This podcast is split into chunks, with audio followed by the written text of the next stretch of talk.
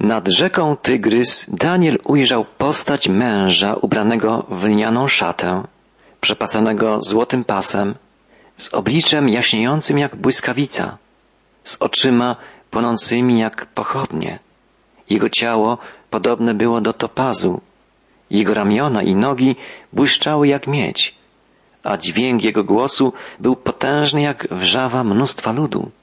Ten opis niezwykłej postaci jest bardzo podobny do relacji apostoła Jana, któremu na wyspie Patmos objawił się Jezus Chrystus. Dlatego większość biblistów jest zdania, iż nad rzeką Eufrat ukazał się Danielowi nie kto inny jak Chrystus w przedwcielonej postaci. Takie niezwykłe objawienie się Boga nazywamy teofanią lub Chrystofanią, czyli objawieniem się Chrystusa drugiej osoby wiecznego, niezmiennego Boga. Daniel świadczy, iż tylko on widział to zjawisko. Towarzysze przebywający wraz z nim nad rzeką Tygrys pouciekali i poukrywali się. Daniel pozostał sam.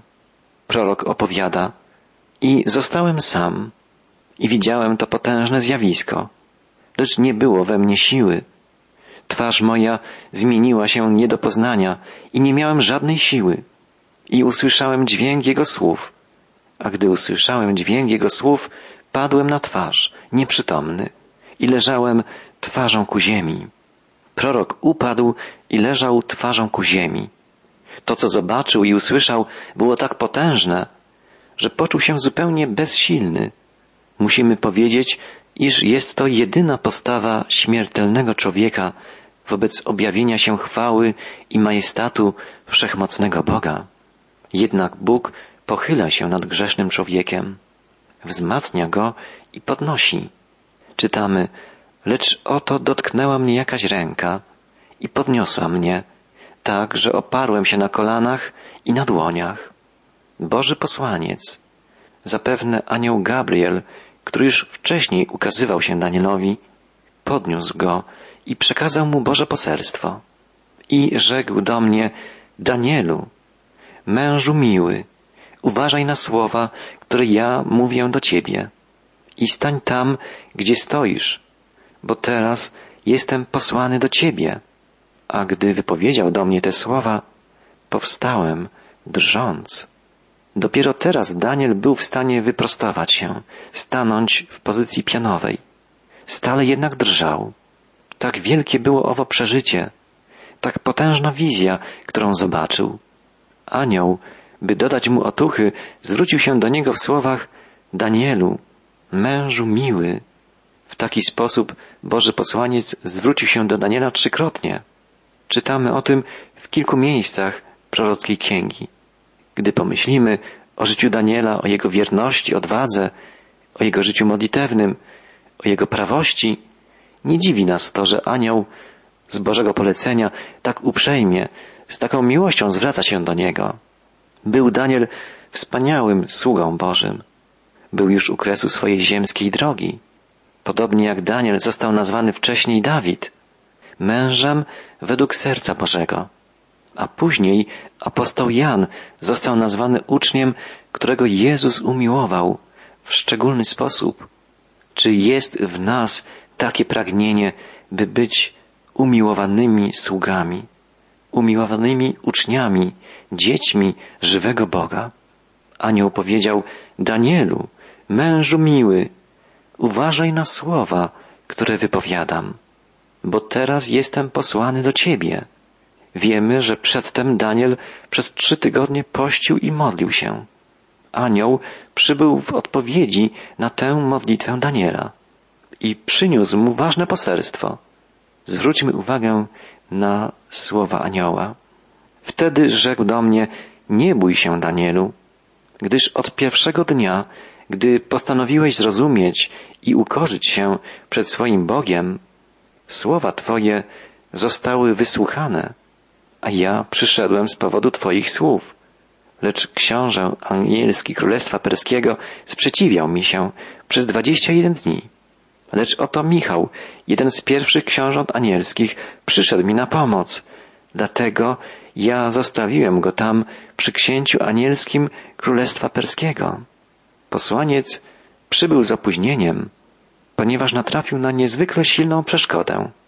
Książę anielski Królestwa Perskiego sprzeciwiał mu się przez dwadzieścia jeden dni.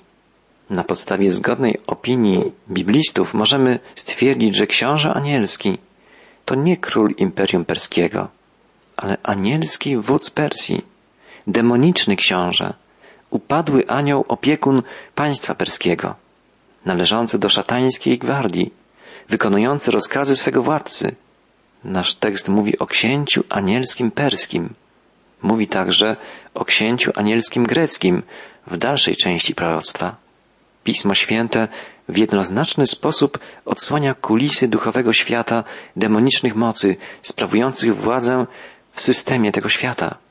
Gdyż bój toczymy nie z krwią i z ciałem, lecz z nadziemskimi władzami, ze zwierzchnościami, z władcami tego świata ciemności, ze złymi duchami w okręgach niebieskich. Tak pisze apostoł narodów w liście do Efezjan. Apostoł Paweł powiedział, iż Pan Jezus Chrystus z tymi mocami ciemności stoczył na Golgocie zwycięski bój. Rozbroił nadziemskie władze i zwierzchności i wystawił je na pokaz. Odniósł triumf nad nimi. Tak czytamy w liście do Kolosan. Było to wypełnienie przepowiedni Starego Testamentu, zawartej w księdze Izajasza.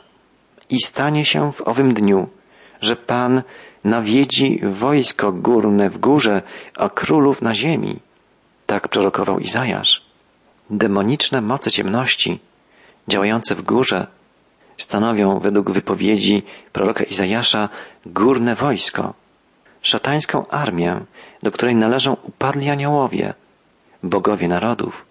Każdy bowiem naród opisany w Biblii posiadał takich właśnie bożków, opiekunów.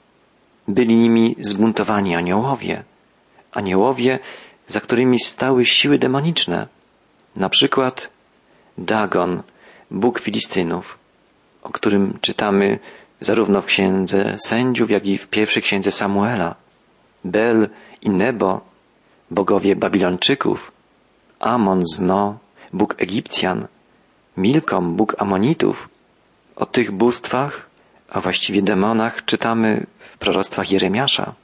Także Kemosz, Bóg Moabitów.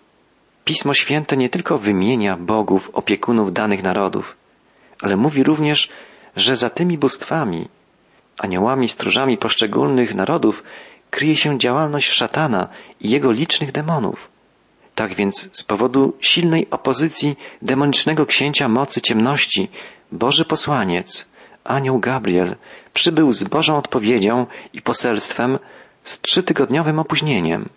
Z pomocą bowiem pośpieszył mu Archanioł Michał, jeden z pierwszych książąt anielskich, opiekun narodu izraelskiego, orędownik synów ludu Daniela, opisany również w pismach Nowego Testamentu. Czytamy o Michale w liście Judy, a także w księdze Apokalipsy. Podsumowując dotychczasowe rozważania, musimy stwierdzić, że dzięki odsłoniętym prorockim kulisom ostatniego objawienia dowiadujemy się o mechanizmie działania pozaziemskiej, duchowej sfery historii świata. Na niewidzialnym zapleczu widowni dziejów odbywa się polityczny dramat świata aniołów. Dobrych, biorących udział w walce po stronie świętych, po stronie Boga, aniołów wykonujących wolę i plany Boga oraz aniołów złych, znajdujących się pod kontrolą szatana, realizujących jego zamiary. Ta wojna w świecie anielskim zakończy się ostatnim akordem w połowie wielkiego ucisku, gdy Michał i aniołowie jego stoczą bój ze smokiem, czyli szatanem i jego aniołami. Czytamy o tym w Księdze Apokalipsy, w rozdziale dwunastym. Będzie też o tym mowa w dalszych częściach proroctwa Daniela. Boży posłaniec wyjaśnił Danielowi, iż przybył, aby mu objawić, co ma przyjść na lud Twój w dniach ostatecznych, bo widzenie znów dotyczy dni przyszłych. Tak czytamy w wierszu czternastym. Wyrażenie w dniach ostatecznych jest ważnym pojęciem, jest terminem eschatologicznym w odniesieniu do prorockiego programu ukazanego w księdze Daniela, a także w innych księgach prorockich. Występuje czternaście razy w Starym Testamencie. Dni ostateczne odnoszą się do całej historii Izraela, od panowania czwartego imperium rzymskiego, a na powtórnym przyjściu Pana Jezusa Chrystusa na ziemię i założeniu przez Niego tysiącletniego królestwa. Zarówno sam przebieg wizji, jak i ukazane objawienie tak osłabiły fizycznie Daniela, że potrzebował on kilkakrotnego posilenia. Musimy pamiętać o tym, że Daniel był już w tym czasie sędziwym starcem. Miał około dziewięćdziesięciu lat. Czytamy, gdy on mówił do mnie tymi słowy, opuściłem twarz ku ziemi i za nie mówiłem. A oto coś jakby ręka ludzka dotknęła moich warg.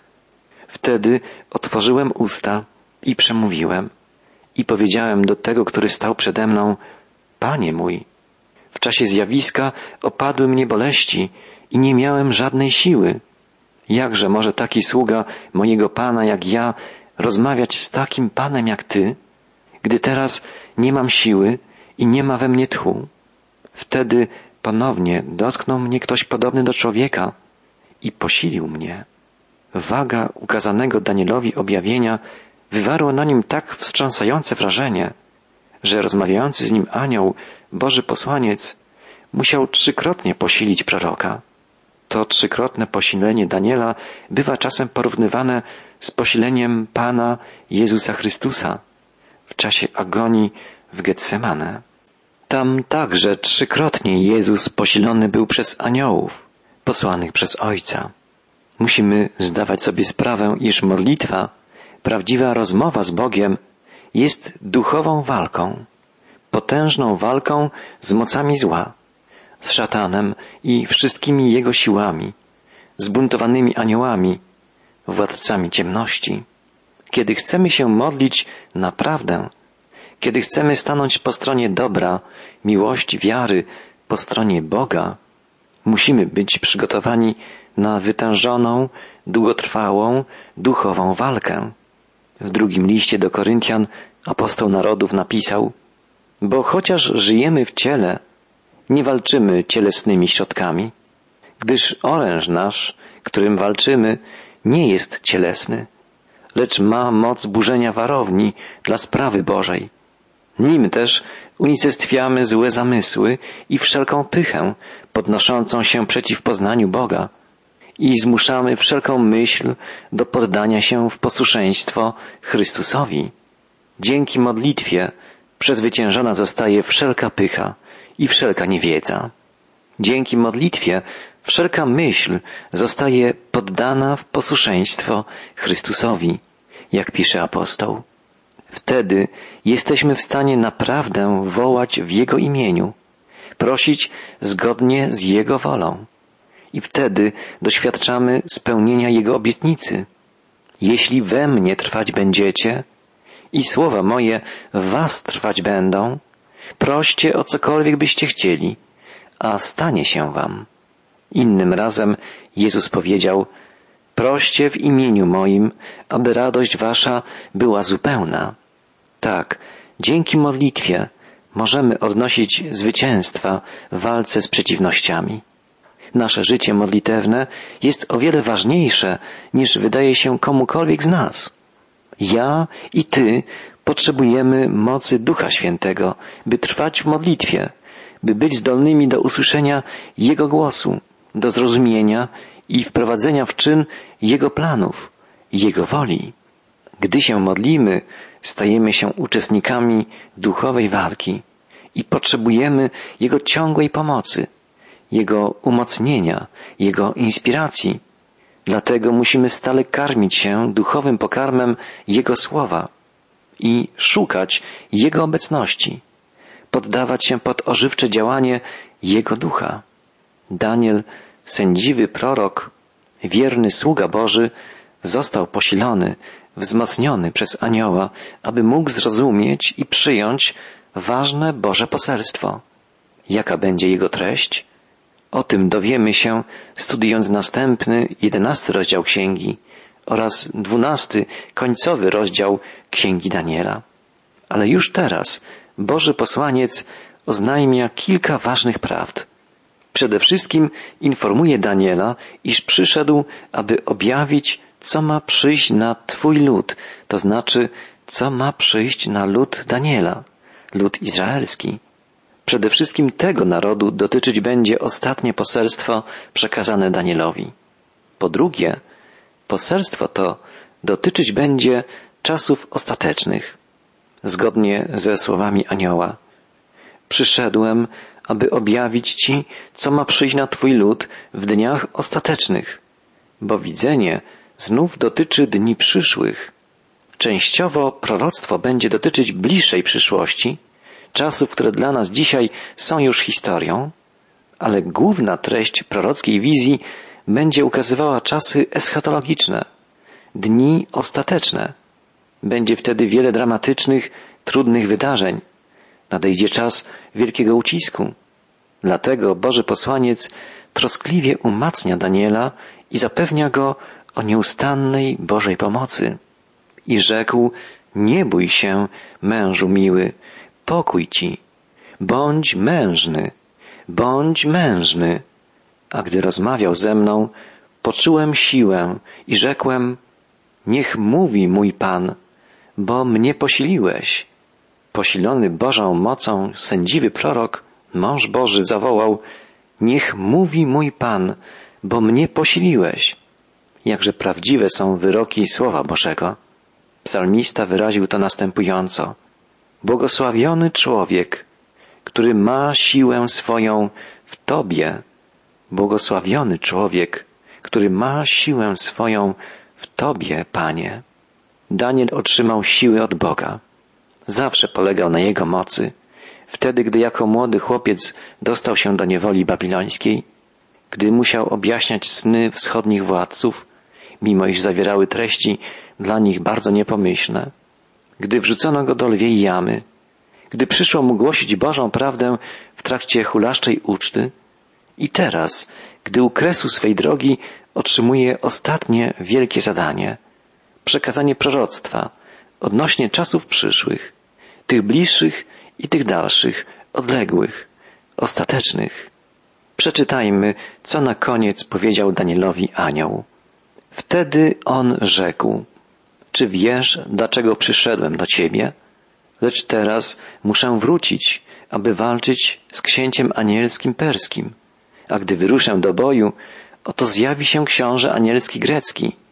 Doprawdy oznajmię ci, co jest napisane w księdze prawdy. I nie ma ani jednego, kto by mężnie stał po mojej stronie przeciwko nim, oprócz Michała, waszego księcia anielskiego. Otwierając zasłonę ostatniego objawienia, anioł ponownie zapytał Daniela, czy wiesz, dlaczego przyszedłem do ciebie? Daniel wie. Anioł przyszedł przecież w odpowiedzi na jego modlitwę. Anioł wyjaśnia Danielowi, że po przekazaniu objawienia będzie musiał powrócić, by walczyć z księciem anielskim perskim, a następnie z księciem anielskim greckim. Z tego wypływa ważna nauka, że za kulisami wielu szczegółów proroctwa, mającego związek z historią tego okresu, ma miejsce niewidzialna walka między potęgami anielskimi. Dlaczego? Aby wola Boża została doskonale wypełniona. Niezwykły szczegół znajdujemy w wierszu 21. Czytamy tu o księdze prawdy. Przeczytajmy ten końcowy wiersz dziesiątego rozdziału jeszcze raz. Doprawdy oznajmię Ci, co jest napisane w księdze prawdy. I nie ma ani jednego, kto by mężnie stał po mojej stronie przeciwko nim, oprócz Michała, waszego księcia anielskiego. Księga Prawdy. Wydaje się, że istnieje w niebiesiech doskonała Boża Księga Prawdy, której Biblia jest jedynym ziemskim odniesieniem. Druga połowa wiersza dwudziestego podaje, iż Bóg w programie swego planu zbawienia dla Izraela szczególną misję do wypełnienia powierzył Michałowi, którego nazywa księciem ludu izraelskiego. Będziemy o nim czytać także studiując Księgę Apokalipsy. Znamienny jest fakt, że cały rozdział dziesiąty został poświęcony przygotowaniu proroka Daniela do przyjęcia wielkiego objawienia, co świadczy o wielkiej randze tego proroctwa związanego z wypełnieniem się ostatnich Bożych planów wobec świata. Daniel doświadcza wielkiego przywileju, wielkiego wyróżnienia. Objawione zostaje mu to, co zapisane jest w Księdze Prawdy w niebie. Innymi słowy, otrzymuje wgląd w Bożą prawdę odnośnie przyszłych losów świata. Fascynująca jest ta wiedza. Z pewnością Daniel nie był w stanie pojąć wszystkiego, nie był w stanie wszystkiego zrozumieć, ale to, co zapamiętał i co nam przekazał, jest niesłychanie ważne, także dzisiaj dla nas. Słuchajmy Bożego Słowa i żyjmy zgodnie z Bożą prawdą.